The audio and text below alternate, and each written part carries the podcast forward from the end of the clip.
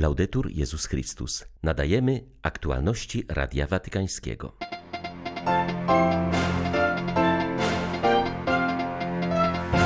Franciszek przyjął na audiencji francuskie stowarzyszenie, które pomaga wychodzić z bezdomności. Jego działania nazwał wizytówką przyjaźni społecznej. Adopcja jest chrześcijańskim wyborem, poprzez który stajemy się pośrednikami miłości Boga, przypomniał papież z okazji roku rodziny Amoris Leticia. Kolejne włoskie diecezje i parafie przyjmują uchodźców z Afganistanu. Pomoc organizuje Caritas i wspólnota Świętego Idziego. 28 sierpnia wita Państwa Beata Zajączkowska. Zapraszam na serwis informacyjny. Papież spotkał się w Watykanie z członkami Stowarzyszenia Łazarz z okazji dziesięciolecia jego istnienia. Projekt powstał we Francji i polega na wspólnym zamieszkiwaniu młodych wolontariuszy i osób w kryzysie bezdomności.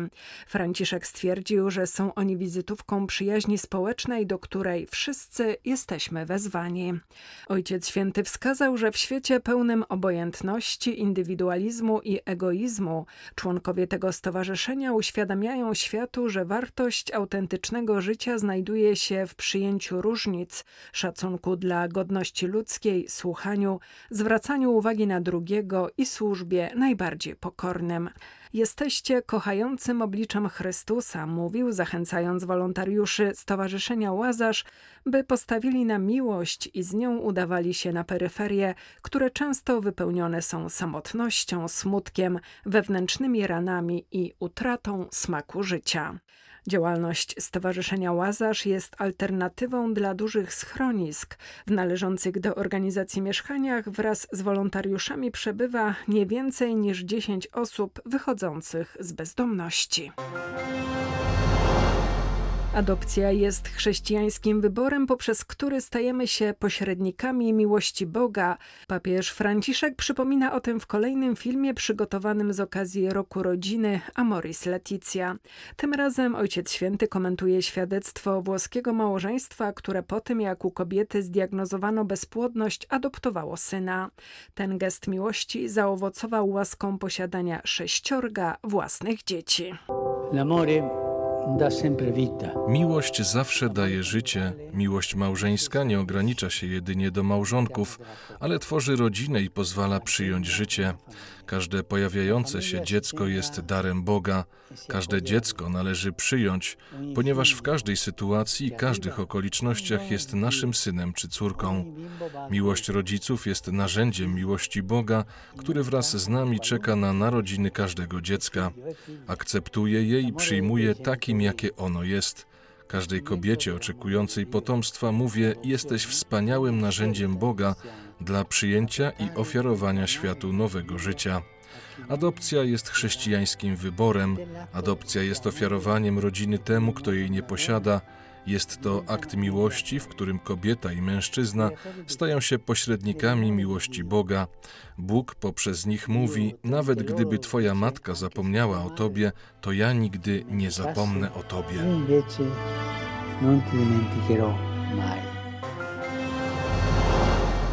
Chrześcijanie niosą pomoc jazyckim uchodźcom wypędzonym 7 lat temu przez bojowników tzw. Tak państwa islamskiego z Sinjaru w Iraku.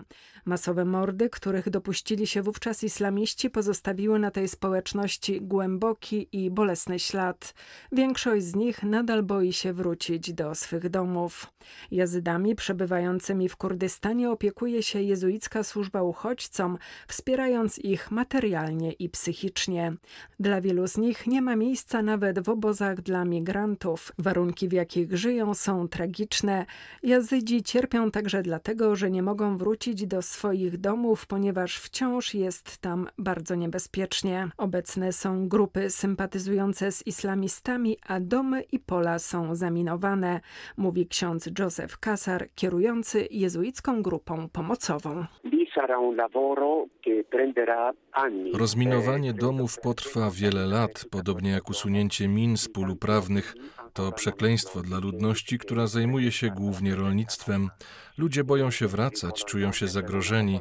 Zaledwie dwa dni temu doszło w Sindżarze do bombardowań dokonanych przez tureckie lotnictwo, którego celem było zniszczenie domniemanych pozycji partii pracujących Kurdystanu.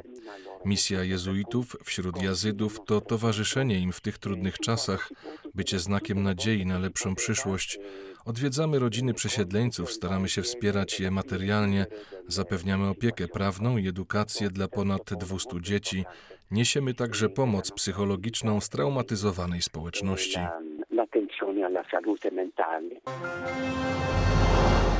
W miarę narastania przemocy w Syrii rośnie liczba ofiar śmiertelnych wśród nieletnich.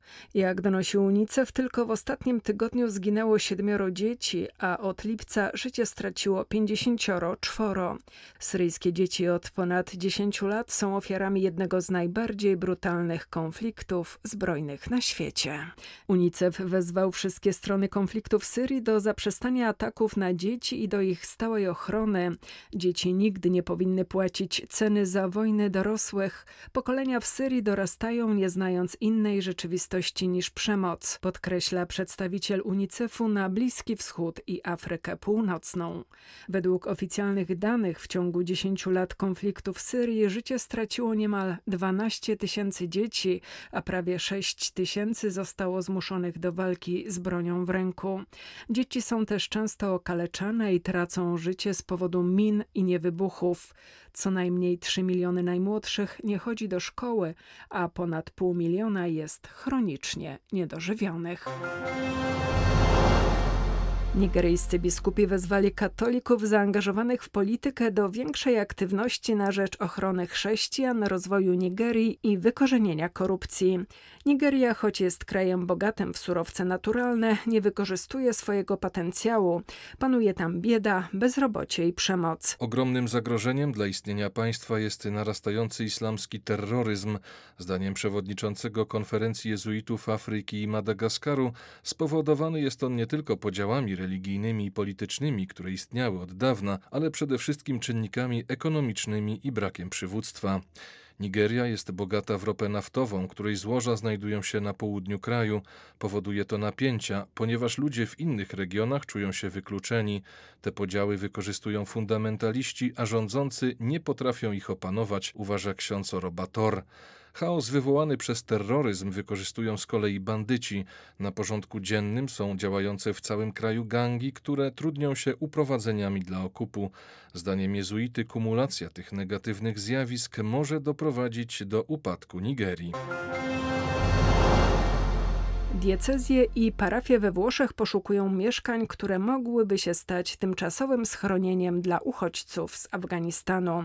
Za koordynowanie tego projektu odpowiada Caritas Włoch wraz z Fundacją Migrantes. Wspólnie stawiamy czoła kolejnemu poważnemu kryzysowi uchodźczemu. Nie możemy tych ludzi pozostawić bez pomocy, podkreśla przewodniczący włoskiego episkopatu.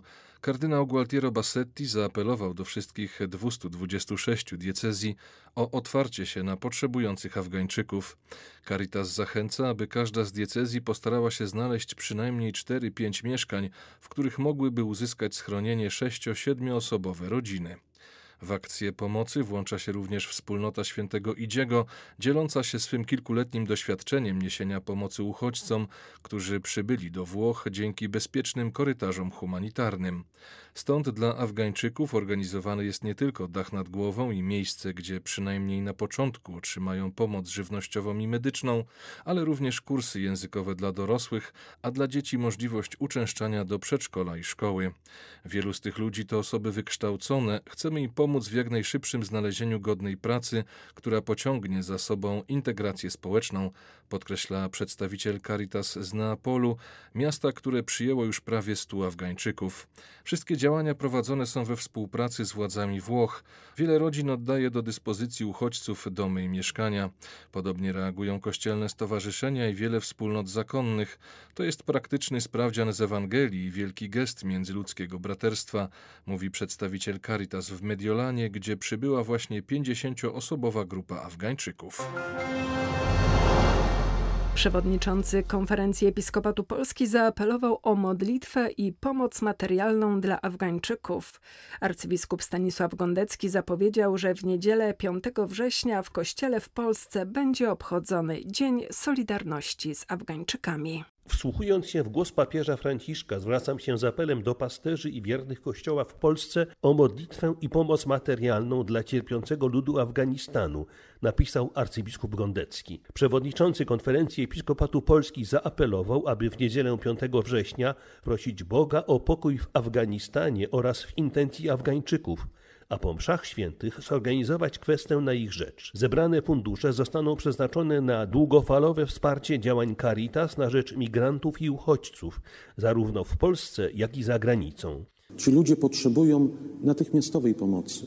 Dlatego Caritas Polska uruchomiła w trybie pilnym zbiórkę, dzięki której zapewnimy im podstawową pomoc. Dyrektor Caritas Polska ksiądz Marcin Iżycki. Dziś w Afganistanie na granicy polsko-białoruskiej i w Polsce znajdują się przede wszystkim nasi bracia i siostry. Wszyscy jesteśmy dziećmi jednego Ojca i jesteśmy zobowiązani do tego, by pomagać. Szczegółowe informacje dotyczące możliwości włączenia się w działania na rzecz uchodźców z Afganistanu i Białorusi można znaleźć na stronie internetowej Caritas Polska. Z Warszawy dla Radia Watykańskiego ojciec Stanisław Tasiemski, Dominikanin. Blisko 60 tysięcy osób zwiedziło już prestiżową wystawę sztuki sakralnej Wieki Ludzkie. Jej 25. edycja nosi tytuł Lux, czyli światło i wpisuje się w obchody Świętego Roku Jakubowego oraz 800-lecie katedry w Burgos. Celem wystawy jest ukazanie bogactwa hiszpańskiej sztuki sakralnej. 25. edycja Edades de Lombre została zorganizowana w trzech prowincjach Kastylii i Leon. Zwiedzający mają okazję podziwiać przykłady architektury romańskiej, mudechar oraz gotyckiej. Ponadto przez trzy prowincje przechodzi francuski szlak świętego Jakuba. Celem organizatorów wystawy było włączenie się w obchody Świętego Roku Jakubowego i ukazanie znaczenia szlaku Świętego Jakuba dla regionu oraz 800-lecia katedry w Burgos. Tytuł ekspozycji Lux nawiązuje do światła i słynnych gotyckich witraży, ale także do Maryi. Wystawa rozpoczyna się w Burgos, gdzie można zapoznać się z pochodzeniem i znaczeniem katedry. Łączy je osoba Matki Bożej. Wystawy Edades de Lombre cieszą się dużym prestiżem. Ukazują bogactwo sztuki sakralnej Kastylii i Leon, często ukryte w murach klasztorów kontemplacyjnych lub rozproszone po małych miejscowościach. Z Madrytu dla Radia Watykańskiego ojciec Marek Raczkiewicz, redemptorysta w oczekiwaniu na beatyfikację prymasa Wyszyńskiego. Wszyscy podwładni muszą współdziałać z tymi, którzy kierują nawą życia publicznego, jeśli ma życie to być owocne, skuteczne. Stoimy w obliczu matki i służebnicy. Patrzymy na nią Przyszliśmy tutaj pełni radości, pełni uwielbienia, pełni żywej wiary. A oto stoimy przed Matką, służebnicą. Matka dała wzór, jak być matką. Dała wzór, jak być służebnicą. Dała wzór, jak dyskretnie pomagać, jak być pomocnicą. Były to aktualności Radia Watykańskiego. Laudetur Jezus Chrystus.